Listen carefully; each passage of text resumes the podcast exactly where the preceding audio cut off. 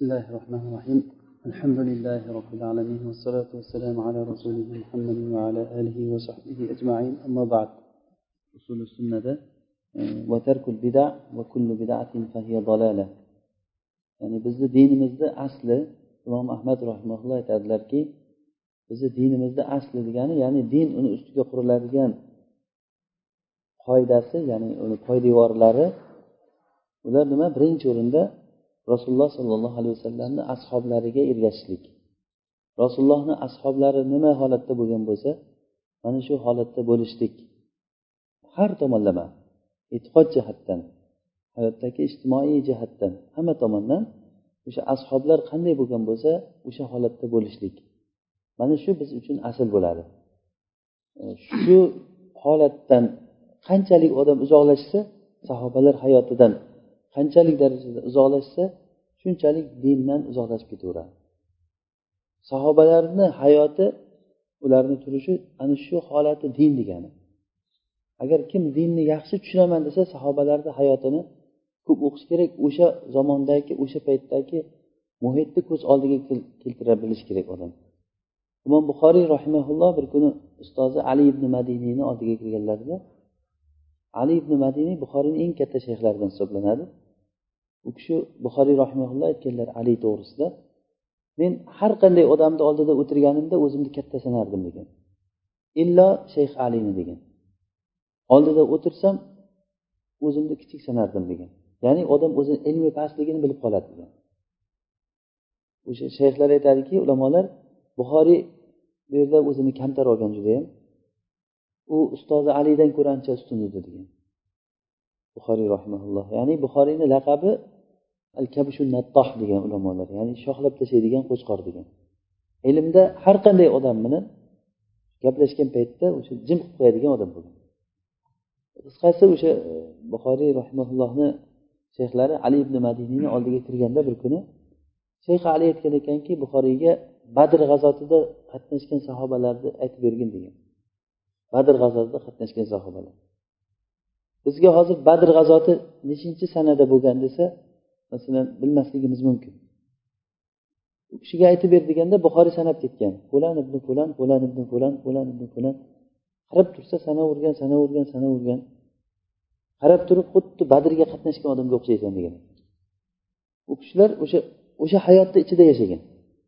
O'sha xuddiki buni misoli hozirgi ko'pchilik odamlar g'arbda qalbi yashab yurganga o'xshaydi o'zimizni ichimizda musulmonlarni ichida turadi o'zi lekin qalbi naryoqda yashaydi biz musulmon sifatida mana shunday holatda bo'lishimiz kerakki sahobalarni ichida yashash kerak mana shu narsa din bo'ladi sahobalar unda bo'lgan holat o'sha din din undan boshqa narsa dindan emas inshaalloh buni dalili اليوم أكملت لكم دينكم وأتممت عليكم نعمتي ورضيت لكم الإسلام دينا degan Alloh taolo aytyaptiki bu kuni sizlarga men ne'matimni tamomiy qildim dinimni komil qilib berdim. Dinakum deb kum zomiri qaysiga boryapti hozir? Sahobalarga o'sha kun al yavma degani bugungi kunda ya'ni arafotda arafotda rasululloh sollallohu alayhi vasallam haj qilgan hajjatul vadoni qilgan yillari. Ulamolar aytadiki bu oyat eng o'sha hukmlar borasida eng oxirgi tushgan oyat deyishadi shuni. Hukmlarda. Bundan keyin rasululloh sollallohu alayhi vasallamga ba'zi bir o'sha haligi qalblarni mustahkamlaydigan ba'zi bir oyatlar tushgan. Ba'zilar aytadi oyati. Eng oxirgi oyat deydi osmondan tushgan oyat. Ba'zilar mana shu alyawma akmaltu lakum oyatini aytadi. Hukmlar bo'yicha shu tamom bo'ldi. O'zi olloh aytyaptiki o'zi ma'nosiga qarasangiz ham bugun din komil bo'ldi deyapti. Ne'matimni tamomiy qildi mana shu sizlar hozir turgan holat ana shu din degani. Demak biz dinni xohlagan odam mana bu oddiy qoida bo'ladi biz uchun. Dinda turaman degan odam sahobalarni kuniga qaytishimiz kerak bizlar ana shu narsa biz uchun dinimizni hayotimizni aslisi shu bo'ladi. Demak bizda dinimizni aslisi nima? Sahobalarni hayotini sahobalar unda bo'lgan holatni ushlash va ularga ergashishlik.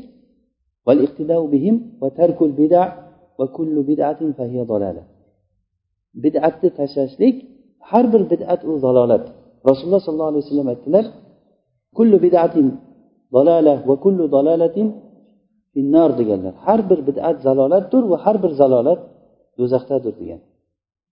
Alloh subhanahu va taolo mana shu biz hozir davo qilayotgan dinimizni islom dinini bizlarga din qilib rozi bo'ldi. Bizni yaratdi alloh taolo. Bizni ibodat uchun yaratdi. Ibodat qilishligimiz uchun bizga bir yo'l tuzib berdi. U yo'l islom shariati bo'ldi.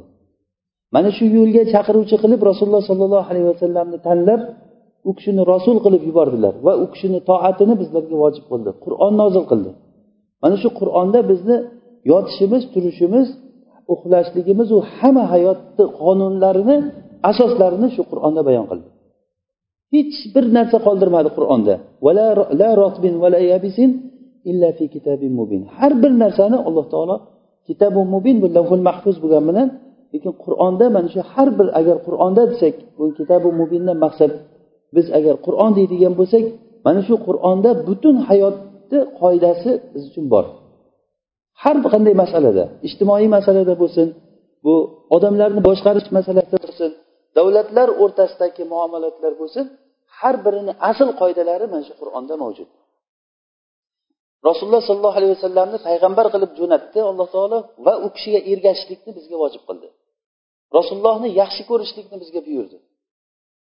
Rasulullohga ergashishlikni va tahtadu dedi. Agar rasulullohga itoat qilsanglar hidoyat topasizlar dedi. Bir kuni bir kishi imom molik rahimaulloh oldiga kelib ehromni qayerdan o'ray? degan. Ehrom hajga bormoqchiman. Ehromni qayerdan o'ray? deganda imom molik rahimaulloh rasulullohni masjidida imom bo'lgan. U kishi aytganki imom molik mehrob e, nima ehromni miqotdan o'raysan. Minal miqot min haysu ahroma nabiy sallallohu alayhi vasallam degan. Rasululloh ehrom bog'lagan joydan o'raysan. Ya'ni rasululloh ehromni zulhulayfa degan joydan o'ragan. U madinadan nechi kilometr? Bir o'n ikki kilometr chiqqandan keyin. Mana shu joydan o'raysan rasululloh shu yerdan o'ragan degan. Bu kishi aytdiki men masjiddan o'rayman mana shu yerdan degan. Masjiddan o'rayman deganda imom molik aytganki senga fitna yetib qolishligidan qo'rqaman dedilar. Bu odam aytdiki qanaqangi fitna bo'ladi? Men ozroqgina bir o'n ikki kilometr bu yoqdan o'rab boryapman kiyimni. Nima fitnasi bor bu? Nima yomon joyi bor? Deganda sen rasulullohdan o'tib ketdin degan e'tiqodni qilishligingdan ko'ra katta fitna bormi degan. Sen rasulullohdan ziyod bo'lib ketdingmi degan. Men senga aytib o'tiribman rasululloh miqotdan o'radilarmi? Bor sen ham sunnatni qilmoqchi bo'lsang miqotdan o'ragin. Deb turib keyin oyatni o'qib berganlar.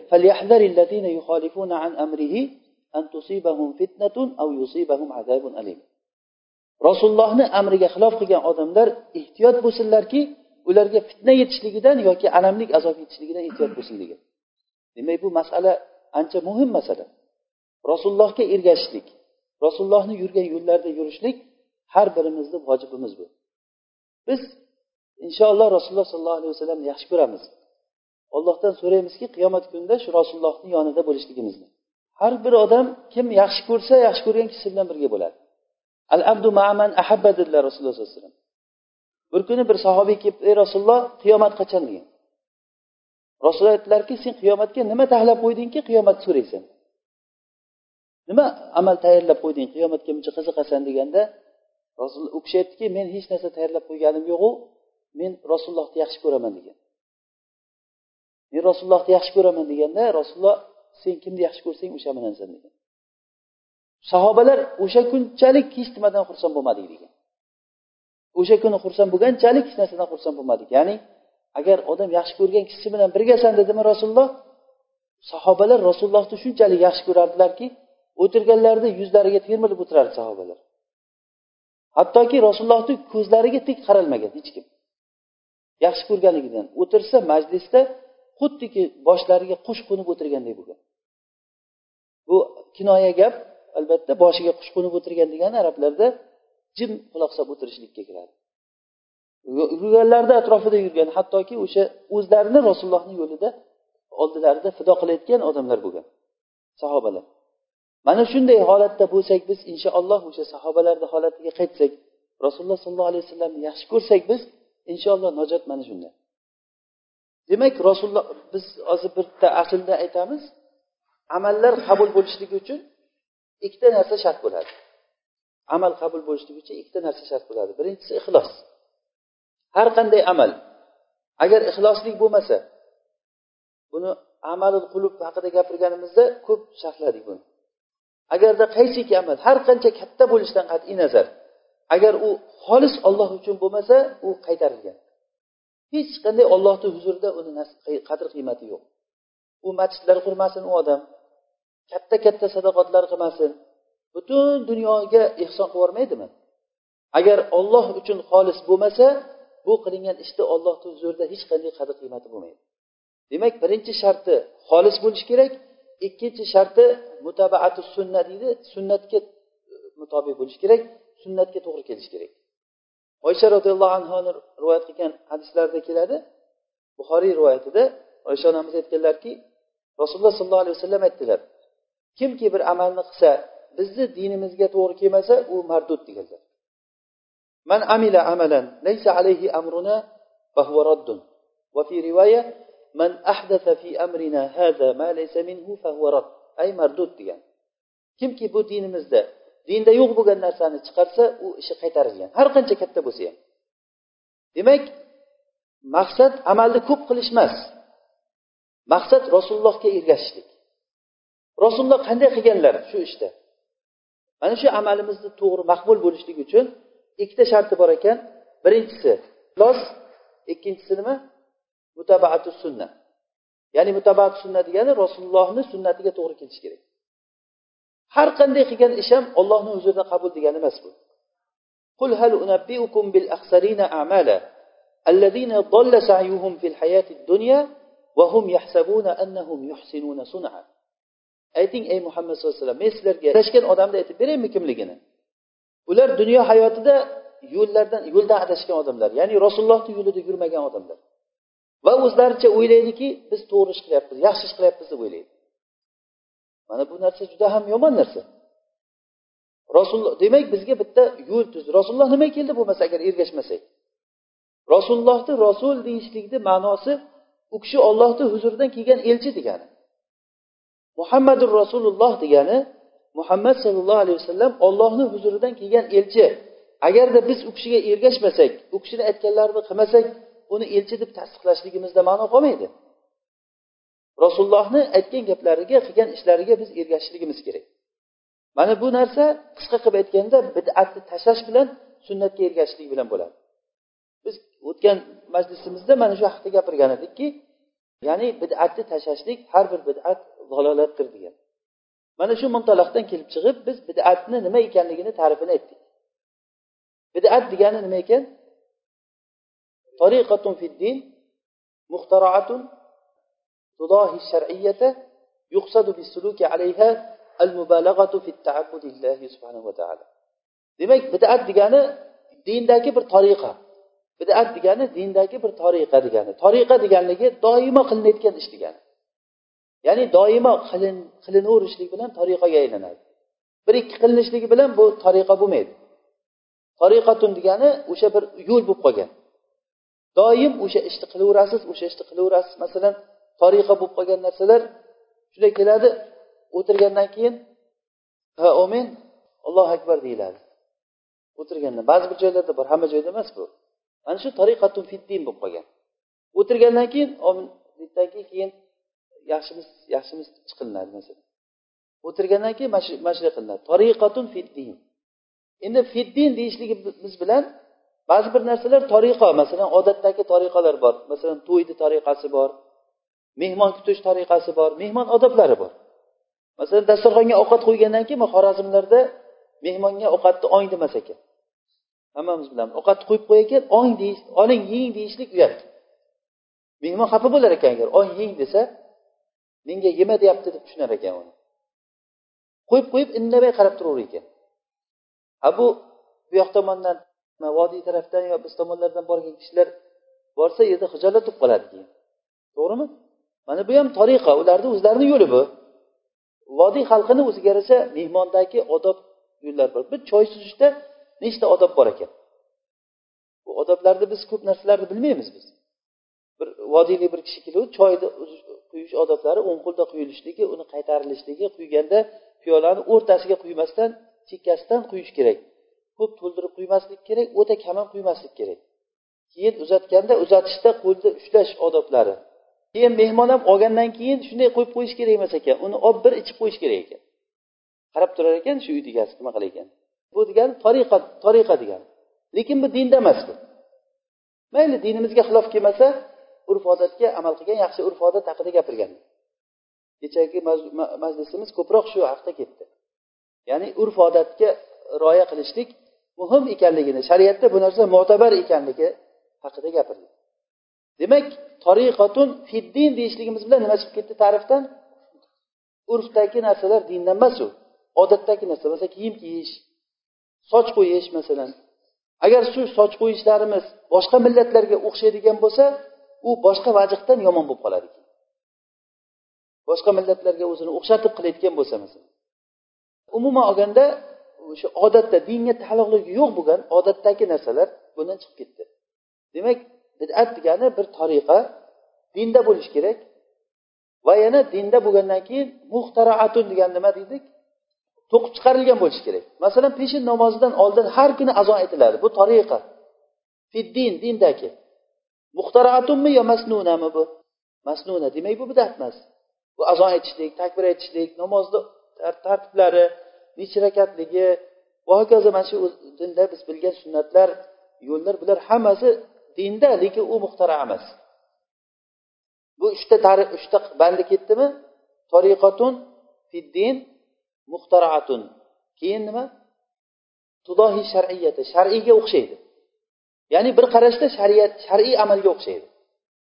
Shar'iyga o'xshaydi lekin shariatdan emas u aslida. Oxirgisi nima? Uni qilishlikda nima maqsad qilinadi? Ollohga yaqinlashishlik qasd qilinadi. Ollohga yaqinlashishni mubolag'a ya'ni shu amalni qilsam men allohga ko'proq yaqin bo'laman deb o'ylaydi. Mana shu narsalar bid'atni tarifi bo'ladi. Ba'zi ulamolar bid'at nima deganda dalili yo'q bo'lgan narsa degan. Ya'ni bid'at nima desa javob bersa qisqagina buni biz yodlab olishimiz oson. Dalili yo'q narsa bid'at deydi. Ha demak buni yana sharhlashimiz kerak. Dalil nimaga muhtoj bo'ladi? Ya'ni dalil kerak bu ibodatdagi narsalar dalilga muhtoj bo'ladi. Ibodatda yo'q bo'lgan nimani bu ustingizdagi kiyimni kiyishga nima dalilingiz bor deb so'ramayman sizdan. Bunga dalil kerak emas. Siz aytasizki dalil dalilni yo'qligi deysiz. Osongina. Dalil nima? Adamu dalil. Dalilni yo'qligi o'zi dalil. Bu chunki bu ibodatga tegishli narsa emas bu. Dalil dedikmi demak ibodatdagi narsani gapiryapti ekan degani. Dalili yo'q dedimi demak muhtaraani gapiryapti ekan. Xuddi o'sha boyagi biz uzun aytgan ta'rifni nima qilyapti bular? Qisqagina qilib turib aytib qo'yyapti. Bu ikkita ta'rif bo'ldimi? Ba'zilar aytganki bidat nima deganda rasulullohni davrida bo'lmagan sahobalarni davrida bo'lmagan hamma ish bidat degan. Rasulullohni davrida bo'lmagan hamma ish bidat. Kullu muhdasatin bidat degan. U dindan bo'lsin dunyodan bo'lsin. Hozirgi mana moshinlarimiz telefonlarimiz mana bu masjidlarimiz qavatli uylarimiz bular kompyuter ishlatishligingiz bular hammasi bidat. Ularni tarifi bo'yicha. Bu bidat bo'lgandan keyin endi uni asli bor bo'lgan narsa bilan asli yo'q bo'lgan narsani ajratib dinga va dunyoviy narsalarga ajratganda nimaiki diniy narsa bo'lgan bo'lsa bidati qobiha degan dunyoviy narsaga tegishli narsani bidati hasana degan keyin. Tushunyapsizlarmi ikkiga ajratishlikka muhtoj bo'lgan keyin ular bidati hasana va bidati sayya degan. Bidati sayya qanaqa bidat ekan? Dindagi narsalar. Bidati hasanachi dunyoviy narsalar. Yaxshi. Masalan uni qilsa yaxshi degani. Masalan mana больница qilishliklar doktor mustashfolar qurishlik maktablar madrasalar tashkil qilishlik kitoblar chop qilinishligi matbaalar qilinishligi odamlarni manfaati uchun mana yo'llarni asfalt qilishlik qavatli uylar qurishlik yaxshimi yomonmi? Odamlarni manfaati uchun xizmat qilyapti. Yaxshi bu degani. Demak bu bidati hasana degan bo'lardi. Ammo ibodatdagi yangiliklar sahobalar davrida bo'lmagan yangiliklarni bidati nima? Sayya degan. Mana bu bilan yana bidati hasana bidati sayya deb birinchi ta'rifdagi odamlar bilan birlashdi. Demak ikkinchi ta'rifdagi kishilarni e'tiboricha mana bu moshinalar yoki qavatli uylar etaj uylarda turishlikni hukmi nima? Bidat. Bidati qanaqa bidat? Bidati hasana. Birinchi ta'rifda aytganimiz bu tariqatun fiddin muxtaratun deganimiz bo'yicha moshina minishlar nima bo'ladi? Urf bo'ladi u bidat bo'lmaydi. Nima uchun? Chunki u dindan emas u. U dunyoviy narsa. Ular urf odatdagi narsalar. Demak ikkosidagi xilof qanaqa bo'ldi ikkita tarixni o'rtasidagi xilof? Xilof suriy bo'ldi bu. Ya'ni ko'rinishda xilof. Ta'bir qilishlikda ikkovi ikki xil gapiryapti lekin asli natija bir xil. Bittasi aytyapti bidati hasana deyapti bittasichi bidat emas deyapti uni. Ya'ni bu dunyoviy narsa uni biza gapirmaymiz deydi. U umum hamma narsa mumkin asli mumkin emas degan narsa kelmaguncha dalil adami dalil dedik. Dalili dalilni yo'qligi. Demak buni qilaveramiz deyildi. Tushunarlimi? Demak hozir biz uchta ta'rif aytdik birinchi ta'rif tariqatun fiddin muxtaraatun tudohi shar'iyata yuqsadu bisuluki alayha al mubalaghatu fi ta'budillahi subhanahu va taolo tushunarli bo'ldimi bu? Birinchi ta'rif. Ikkinchi ta'rif nima bo'ldi? Dalili yo'q bo'lgan narsa bidat dedik bidat nimasi? Dalili yo'q bo'lgan narsa. Mana bu ta'rif bo'yicha dalili yo'q bo'lgan narsa degan uchinchi ta'rifdachi bidat nima desa? Rasulullohni va sahobalarni vaqtida bo'lmagan har bir ish bidat dedi. Keyin ular nimaga muhtoj bo'ldi? Bidatni sayya va hasanaga ajratishlikka muhtoj bo'ldi. Dunyoviy narsalarda bidati hasana dedi. Diniy narsalarni bidati sayya dedi demak ularda bidati sayya degan narsa bularda bidat emas bo'lgan narsa ikkovsi bir xil bo'ldi. Al muhim hozir ta'riflardan qaysi bir ta'rifni olsak ham gapimiz to'g'ri kelaveradi. O'sha bidati hasana bidati sayya deganlardan ba'zilari iz ibn abdusalom iz ibn abdusalom va shundan keyin qarofiylar bular bidatni ahkami shar'iyaga bo'yicha bo'lib chiqqan bidatni vojib degan bidati mustahab degan bidati muharrama degan bidati makruha degan bidati mubaha degan. Ya'ni bidati vojiba nima? Masalan mana mustashfa qurishlik doktorxonalar qurishlik madrasa qurishlikni hukmi nima desa bidat lekin vojib bidat deydi. Tushunyapsizlarmi u bidati hasanadan. Qilish kerak bu chunki ilm o'rgatishlik uchun madrasa bo'lmasa bo'lmaydi. Yoki kun sovib ketsa polta issiq kiyimlarni kiyishlik. Issiq kiyimlarni kiyishlik bu nima hukmi? Bidati vojiba deydi. Buni kiymasa bo'lmaydi deydi. Chunki odam o'zini o'zi saqlash kerak. O'zlaringni halokatga tashlamanglar degan. Mustahab bo'lgan narsalar bo'lsa bidati mustahabba deydi. Masalan mana yo'lni tekis qilib qo'yishlik masalan. Yaxshi odamlar chalishmaydi yomg'irda man loy bo'lib qolmaydi bemalol masjidga kelaveradi. Buni qilishlik bidati nima? Mustahab deydi buni. Nima bo'lganda bu tushunarli. Biz hozir u haqida gapirmaymiz. Gapni cho'zib. Biz ikkiga ajratamiz. Diniy narsadagi narsalar bidati. Sayya o'shani gapiramiz. Ana shuni bidat deymiz. Dunyoviy narsani biz bidat demaymiz uni. Odat deymiz eng osoni. O'sha uchun endi hozir siz masalan nimaiki ish agar dindan deb qilinsa o'sha narsani dalilini so'rash kerak. Dalili bo'lmasa o'sha bidat bo'lib qolaveradi. Dalili bo'lmasa o'sha ish bidat bo'lib qolaveradi. Masalan mavlud qilinyapti. Mavlud dindanmi dindan emasmi?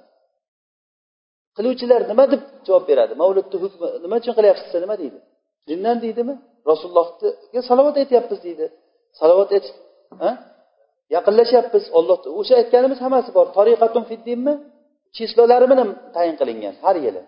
U aynan tariqatun fiddin fiddin deganligimiz ikkinchi tarifda. Fiddinmi qilgan odam savob oladi deydimi? U savob olish ham emas. Mavludga kelgan odamlar gunohim qoldi desa gunohkor bo'ladi deydi. Shunchalik darajada bir e, taqarrub qilib qilinadi bu ishlar. Muxtaraatunmi yo uni asli bormi? Muxtaraatun. Agar muxtara emas shu yerda xiloflashamiz muxtara emas deydi qilayotgan ho'p muxtara bo'lmasa keltiring bitta dalilni. O'sha biz boshida asl qo'ygan narsamiz bizni din qaysi din dedik sahobalarni kunidagi holat din bo'ldi. Shu kundan bitta holat keltiring bizga. Rasululloh sollallohu alayhi vasallamni va ashoblarini qilgan ishlarida shunaqangi mavlud tug'ilgan kun degan narsa qilinganmi yo'qmi? Agar qilinmagan bo'lsa dalil olib kelolmasa bu nima bo'lib qoladi muxtaraatun bo'lib qoladi.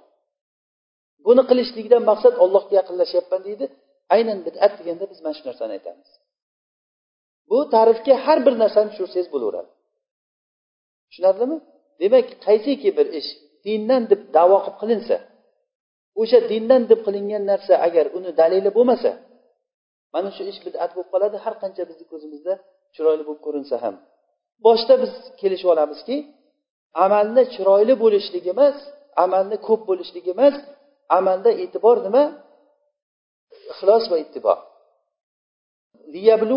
Ayyukum ahsanu amala degan alloh taolo. Allazi xalaqal mauta wal hayata liyabluvakum ayyukum ahsanu amala. Olloh shunday zotki hayot va mamotni yaratdi ya'ni o'lim va hayotni yaratdi. O'lim bilan hayot bu odamlarni hayoti shundan iborat o'zi. Odamlarni hayoti shundan iborat o'zi. Muomiy roziyallohu anhuni davrida ikki yuzga kirgan bir odamni olib kelgan ekan. Ikki yuz yoshga kirgan ekan. Muaviy roziyallohu anhu so'ragan ekan kayfa vajaddal hayata? hayotni qanday topding? Nima ekan hayot? degan. Ikki yuz yil yashab nima orttirding o'zingdan? deganda hayot bir xil narsa ekan tug'ilish va o'lish ekan degan. Kasal bo'lish yaxshi bo'lish xursand bo'lish xafa bo'lish ekan degan. Bir kuni xursand bo'lsangiz bir kun xafa bo'lasiz. Xursand bo'lib turgan paytingizda bitta xabar keladi xafa bo'lib qolasiz. Birov tug'ilibdi deb eshitsangiz birovni o'libdi deb eshitasiz. Kasal bo'lish va sog' bo'lish ana shu narsadan iborat degan. Alloh taolo aytyaptiki u zot shunday zotki o'lim va hayotni ya'ni hayotni o'zi degani bu. O'lim va hayotni yaratdi nima uchun? Sizlarni sinash uchun qaysilaring yaxshi amal qilasizlar deb. Yaxshi amal deganda yaxshi amal deganda o'sha tafsir ulamolari aytishadiki hasan basriydan rivoyat qilinadi ahsanu ahsanu amala degani asvabuhu va axlasuhu deydi. Asvob degani shariatga mutobati sunna degani va axlasuhu degani xolis olloh uchun qilingan amal degani. Bizdan ko'p amal qilishlik talab qilinmaydi. Juda bezab amal qilishlik talab qilinmaydi. Bizdan talab qilingan narsa xolis bo'lishi kerak va rasulullohga yo'llariga to'g'ri kelishlik kerak. Mana shu ikkita amal amallarni maqbul bo'lishligiga olib keladi. Biz kechagi majlisimizda asosan shu haqida gapirgan edik bugun tushunishimiz kerak bo'lgan narsa bitta mavzuni men o'rtaga tashlamoqchiman. Rasululloh sollallohu alayhi vasallam qilmagan ishlarni qilmaslik kerakmi? Rasululloh qilmagan ishlarni qilmaslik kerakmi yoki qilsa ham bo'laveradimi? Rasululloh sollallohu alayhi vasallam qilmagan ishni qilsak nima bo'ladi? Rasululloh qilmagan ishni qilsak bidat bo'ladimi bidat bo'lmaydimi degan savol. Bu narsada tafsiloti bor. Buni tafsiloti bilan gapiramiz. Ya'ni rasululloh sollallohu alayhi vasallam qilmagan ishlar har xil holatda bo'ladi. Ba'zi ishlar borki rasululloh uni qilmagan qilmaganligini sababi u ishni qilishlikka muqtodiy bo'lmagan ya'ni muqtodiy degani o'sha ishni qilishlikni talab qiluvchi bir sabab bo'lmagan. Masalan qalin qalin yunglik poltalarni rasululloh kiyib yurmagan. To'g'rimi? Nima uchun? Chunki unga ehtiyoj yo'q edi. Ya'ni u muhtoziy yo'q edi. Buni arabchada muhtoziy deymiz. Ehtiyoj ya'ni unga ehtiyoj yo'q edi. Ha demak ehtiyoj bo'lib qolsa qilsa bo'laveradi degan gap chiqadi bundan rasululloh davrida muhtodiy yo'q edi. Ba'zi bir amallar borki rasululloh sollallohu alayhi vasallam davrida unga muhtojlik bor edi lekin o'shani qilishlikdan mone ham bor edi. Muhtojlik bor lekin qilaman desa unga bir man qiluvchi narsa ham bor. Buni misoli rasululloh sollallohu alayhi vasallam bir kuni taroveh namozini o'qidilar. Uni sahobalar o'sha masjidda o'tirgan kishilar rasulullohga ergashib namoz o'qib juda maza qilgan. Ertasi kuni yana o'qigan rasululloh sollallohu alayhi vasallam odamlar eshitib ko'paygan keyin uchinchi kun masjid to'lgan. Masjid to'lgan kutib o'tirgan kutib o'tirgan rasululloh chiqmagan. Ertalab bomdod vaqti chiqdilarda aytdilarki sizlarni bu kiyib yig'ilib o'tirganlaring menga maxfiy bo'lmadi men bildim kiyib o'tirganlaringni. Lekin chiqib namoz o'qishda o'qimadim sizlarga farz bo'lib qolishligidan qo'rqdim degan. Ya'ni taroveh namozi farz bo'lib qolsa odamlar ummat mashaqqatga tushib qoladi. O'zi besh vaqt namozi o'zi qiynalib yotamiz. Yana uni ustiga taroveh namozi farz bo'lsa bu narsa ummatga mashaqqat bo'lib qoladi deb farz bo'lib qolishligidan qo'rqqanligimdan chiqmadim dedilar. Demak bu yerda rasululloh chiqib masjidda imom o'tib odamlar bilan taroveh o'qishligiga muhtaziy bormi? Bor lekin bu yerda nima bor? Moni u nima moni farz bo'lib qolishlikdan qo'rqishlik. Shuning uchun ham u moni ketgandan keyin rasulullohni vafotlari bilan bu moni ketdi endi farz bo'lmaydi vahiy tugadi. O'shandan keyin umar roziyallohu anhu bu narsani qilishlikni boshladilar yani. Demak rasulullohni qilmagan ishlarini mana shunday holatda tushunyapmiz. Boshidan aytsak ba'zi bir ishlar bor uni qilishlikka muhtoziy yo'q qilmaganlar. Ba'zi bir ishlar bor muhtoziy bor lekin u yerda nima bor? Man qiluvchi narsa bor. Mana shuni qilmadilar. Ba'zi ishlari bor rasululloh sollallohu alayhi vasallam qilmaganlar uni muhtaziy bor moni yo'q lekin qilmadilar. O'sha ishni qilishlikka muhtaziy bor moni yo'q lekin qilmadilar. Buni misoli qabrga borib qur'on o'qishlik. O'liklarga qabrga borib qur'on o'qishlik. Rasululloh sollallohu alayhi vasallamdan birorta bir hadis kelmadiki borib sahobalardan birortasi o'lgan paytda borib qabriga borib namoz o'qiganliklari rasululloh sahobalarga shunchalik mehribon edilarki hattoki qur'onda u kishini sifatlab aytadiki azizun alayhima anittum harisun alaykum bil mu'minina raufur rohim mo'minlarga kelgan tushgan musibat unga qiyin degan juda rasulullohga og'ir botadi. Va azizun alayhi ma anittum harisun alaykum. Sizlarga juda ham foydalaringga haris. Shu nima qilsa mo'minlarga foyda bo'ladi deb yuradilar. Rasululloh o'zi rasul bo'lishdan oldin ham shunaqangi odam edilar doim odamlarni xizmatida yurgan. Biror bir payg'ambar yo'qki illa qo'y boqqan degan bir hadisda rasululloh. Ey rasululloh siz ham qo'y boqqanmisiz? deganda ha men buxoriyni hadisida keladi. Ha men qo'y boqqanman. Makka ahlini qo'ylarini bir chaqa tanga evaziga boqqanman. degan pul uchun qilmagan u ishni ya'ni o'sha xalqqa manfaati teggan rasululloh mana shunaqangi manfaatli odam bo'lganlar doim qayerda qiyin narsa bo'lsa o'shani tagida rasululloh bo'lgan. Yigitlik paytlarida ham. Shuning uchun ham hadicha roziyallohu anho rasulullohga birinchi vahiy kelgan paytda men o'zimga qo'rqdim bir holat bo'lyaptimikan deyman. Farishta kelib jibril kelib u kishini o'qi iqro iqro deb haligi siqib ketgandan keyin uylariga borib hadicha onamizga men qo'rqyapman o'zimga deganda hadicha onamizni aqlini qarang. Ey rasululloh siz qo'rqmang degan. Olloh hech qachon sizni yordamsiz tashlab qo'ymaydi degan. Chunki siz doim o'sha qiyinchilikni ko'tarib yurasiz beva bechoralarga yaxshilik qilasiz o'sha kasbi yo'q odamlarga yordam qilasiz deb turib rasulullohni bir qancha makarimul axloqlarini sanagan. Rasululloh mana shunaqangi kishi edilar. Endi rasulullohga vahiy kelib payg'ambar bo'lgandan keyin ummatiy ummatiy deb doim ummatni g'amida bo'ldilar. Hattoki rasululloh sollallohu alayhi vasallam bir kuni masjidda masjidni supurib yuradigan bir xotin kishi ba'zi rivoyatlarda erkak kishi deyilgan. Erkak kishi ko'rinmay qoladi masjidda. Qani u odam ko'rinmay qoldi bu masjidda supurib yuradigan bir kishi bor edi deganda ey rasululloh u dunyodan o'tib qoldi. Kechqurun uni ko'muvdik sizni avaylab sizga aytmadik xabar qilmadik. Siz chiqib ya'ni rasulullohni bir e, yer hasharotlari kechasida ko'rmasdan cho'qib olmasin dedikda bildirmadik sizga. degan. Sahobalar shunchalik rasulullohni ehtiyot qilgan. Kechasi siz chiqib sizga bir ozor bo'lib qolmasin deb aytmadik deganda rasululloh qani qabrini ko'rsatinglar menga degan qabriga bordilar. Sahobalar qabrini ko'rsatgan qabrda unga janoza namozi o'qidilar janozasi o'qilib ko'milgan kishiga yana qaytadan janoza o'qisa bo'ladi hojat bo'lsa deb ulamolar ikkinchi marta janoza o'qishga mana shu hadis dalil qilishadi. Va u o'sha janozasini o'qigan odamlar ham rasulullohga qo'shilib yana qaytadan janoza o'qigan ular ham. Demak bir marta janoza o'qigan odam ikkinchi marotaba bir jamoat o'qiyotgan bo'lsa yana o'shanga qo'shilib janoza namozi o'qisa bo'ladi degan gap chiqadi buni. Keyin rasululloh aytdilar eh, janozasini o'qib bo'lib aytdilarki ichlaringdan kim o'lsa menga xabar qilinglar men uni janozasini o'qiyin meni janoza o'qishligim u odamga rahmat va sakan bo'ladi deganlar shunchalik darajada rasululloh sollallohu alayhi vasallam mo'minlarga haris edilar shundoq bo'la turib birorta kishini borib qabriga qur'on o'qiganliklari kelmagan. Agar qur'on o'qishlik foydali bo'lganda qilish kerakmidi? Agar shunchalik darajada foydali bo'lsa rasululloh sollallohu alayhi vasallam u kishini bu o'lgan odam muhtoj hozir. Qanaqangi foydali ish bo'lsa hammasini aytganlar. Siz hojatxonaga borganda nechta kesak bilan tozalanishligingizni aytgan rasululloh. O'sha yahudlar e, salmonin forsiyga aytgan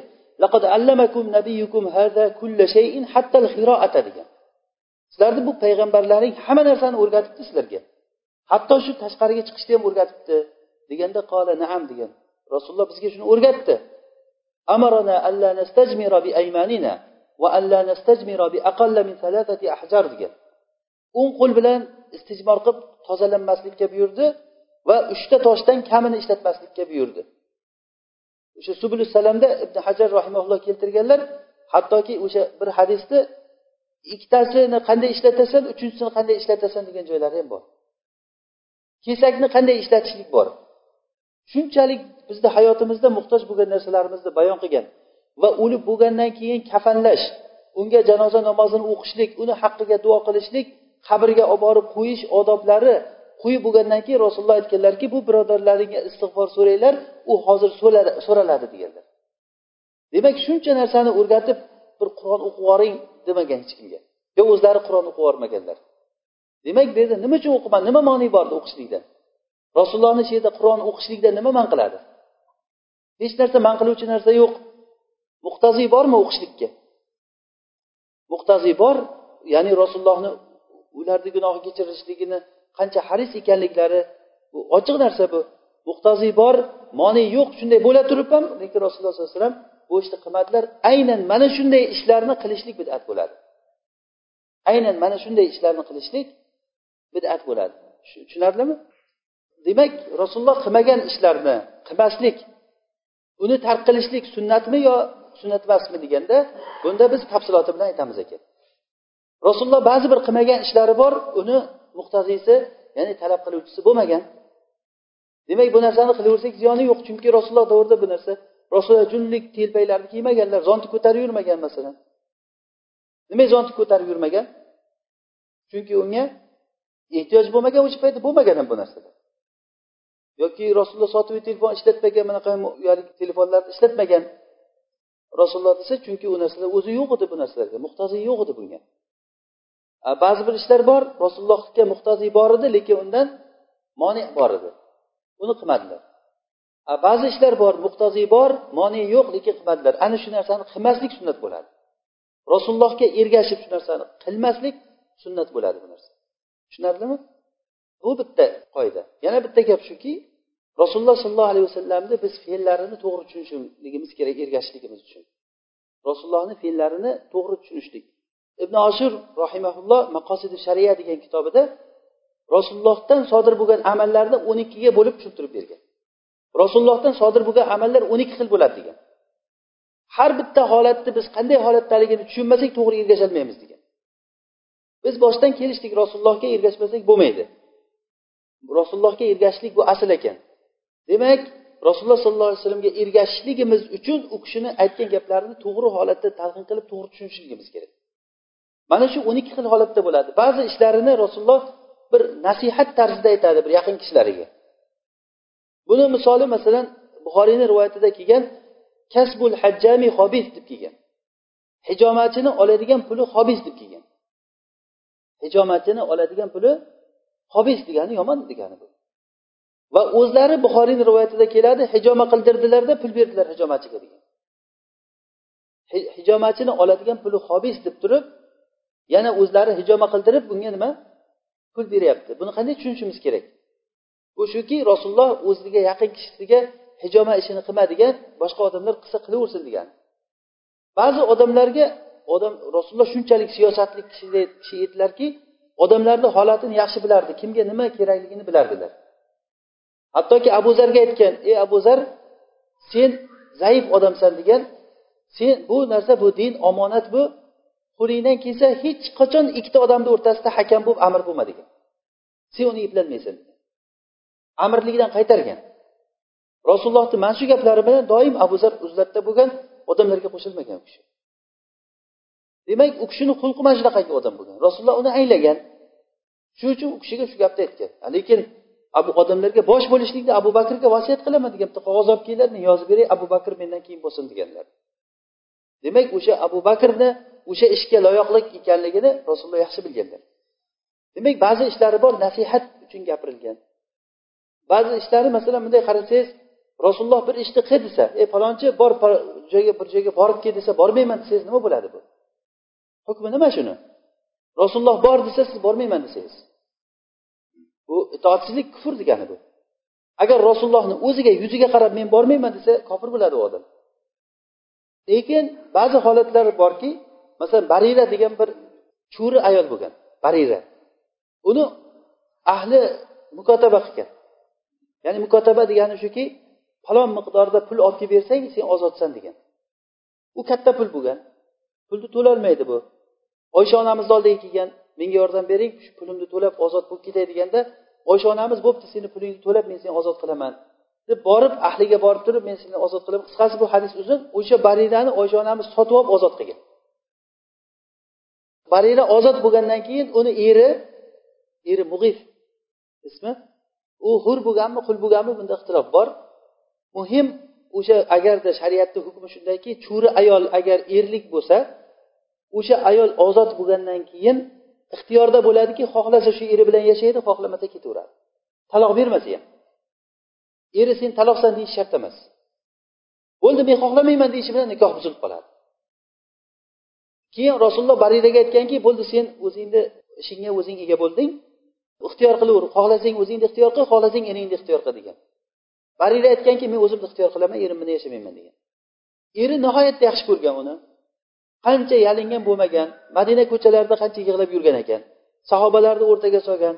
Oxiri rasulullohni oldiga kelib rasulullohga aytganki rasululloh shu bariraga ayting men bilan yashasin deganda rasululloh barirani chaqirib ering bilan yasha degan shunda barira aytgan yo'q yashamayman degan. Yashamayman deganda bo'pti o'zing bilasan degan rasululloh sallallohu alayhi vasallam. Demak rasulullohni amriga bu teskari chiqyapti deymizmi shu yerda hozir barirani buni hammamiz yaxshi tushunamiz. Unga buyruq qilgan bilan lekin bu nasihatomiz gap bo'lyapti. Agar bir yashayman desang ko'r yashagin degan ma'noda. Mana bunaqangi gaplari bor rasulullohni ba'zi ishlar bor rasulullohni imom sifati bilan qilgan ishlari bor. Ba'zi paytlarda jayishni qo'mondoni sifatida qilgan ishlari bor.